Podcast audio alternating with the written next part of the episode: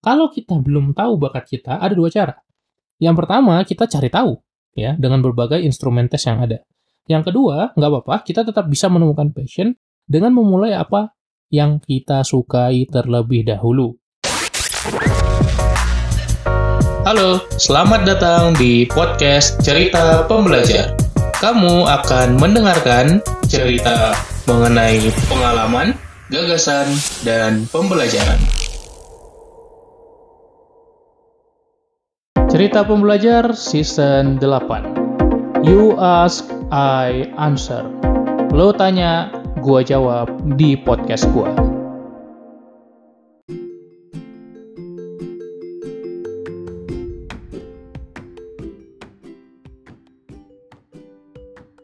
Apa kabar sobat pembelajar? Semoga sehat selalu dan bisa terus bertumbuh, bisa terus upgrade diri setiap hari.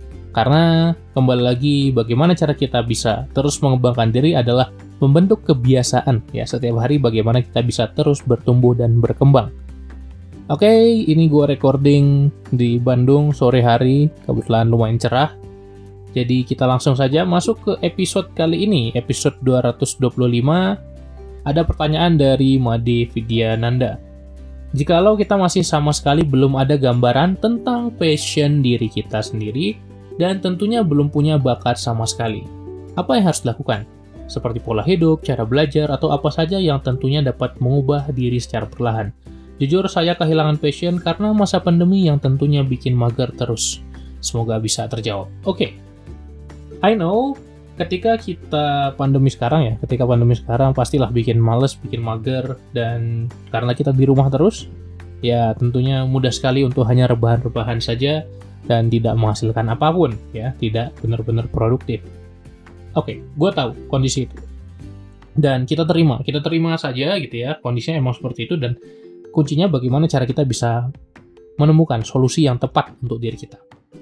Nah tapi yang ingin gue note di sini adalah gimana cara menemukan mission tentunya belum punya bakat sama sekali. Nah ini kesalahan total ya. Kesalahan total kenapa karena sebetulnya bakat dimiliki semua orang. Bakat dimiliki semua orang. Talent itu ada dari lahir. Ya. Talent itu ada dari lahir. Dan setiap orang, of course, punya bakat yang berbeda-beda. Ada banyak sekali tools-tools yang bisa digunakan ya dalam menemukan bakat kita. Tapi kalau gua biasanya ada nama toolsnya ST30 ya atau Strength Typology 30. Kalau lo mau ke tes bakat ini bisa buka di temubakat.com dan lo bisa tahu distribusi bakat lo seperti apa. Nah, tapi kalau lo butuh bantuan untuk menemukan bakat lo, lo bisa cari profesional. Dan gue juga, by the way, buka jasa untuk talent mapping ya. Jadi untuk bisa menemukan bakat lo, potensi diri lo seperti apa, nanti ngobrol di Zoom one on one, dan gue akan membantu lo memahami bakat, potensi bakat lo apa aja. Nah, tapi kuncinya gimana sebetulnya kita bisa menemukan passion ketika kita belum tahu bakat kita, oke? Okay? Bukan berarti nggak punya bakat kita, tapi belum tahu bakat kita apa. Nah, passion, gue udah pernah bahas ya, adalah gabungan antara interest dan mastery.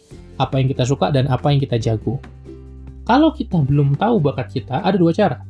Yang pertama, kita cari tahu, ya, dengan berbagai instrumen tes yang ada.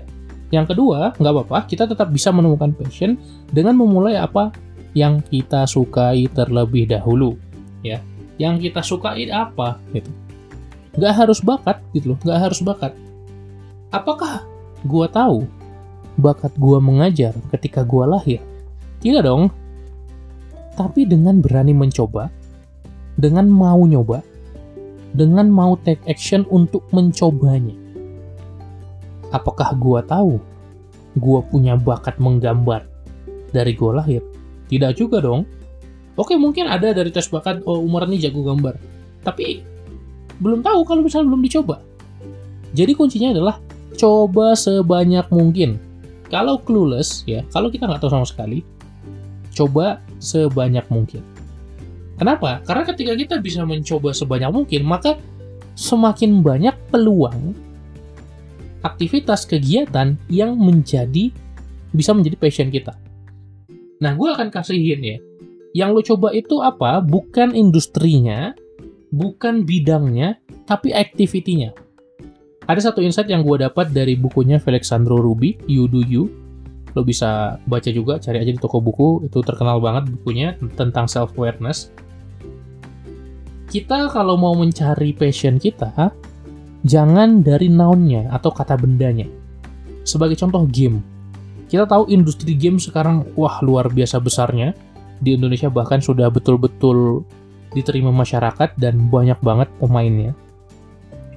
Ketika kita memikirkan tentang game, apa yang terlintas di pikiran kita? Menjadi gamer. Ya, mungkin itu menjadi gamer. Itu yang paling terlintas di pikiran kita. Nah, maka jangan kita berfokus ke gamenya.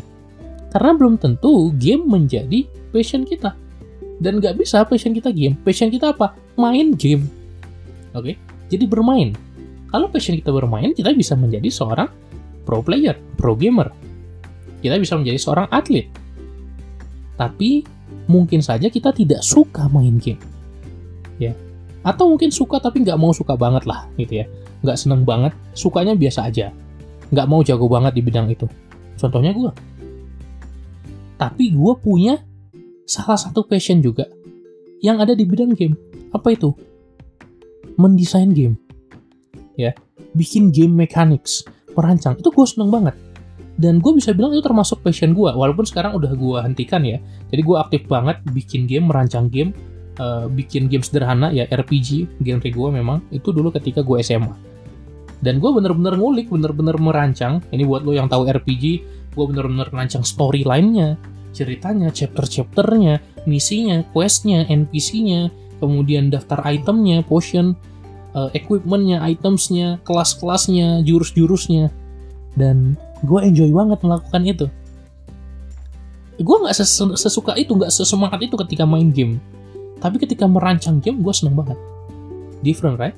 Sama-sama industri game, tapi yang satu bermain game, ya lo bisa menjadi seorang pro gamer, pro player, atau lo bisa di bidang, eh, sorry, di bidang yang sama, lo bisa sukanya bikin gamenya. Lo bisa menjadi seorang programmer atau seorang developer. Atau lo suka bagian animasinya desain karakternya lo bisa menjadi seorang desainer game designer bisa. Atau lo seneng ilustrasinya sehingga lo bisa menjadi seorang ilustrator di game.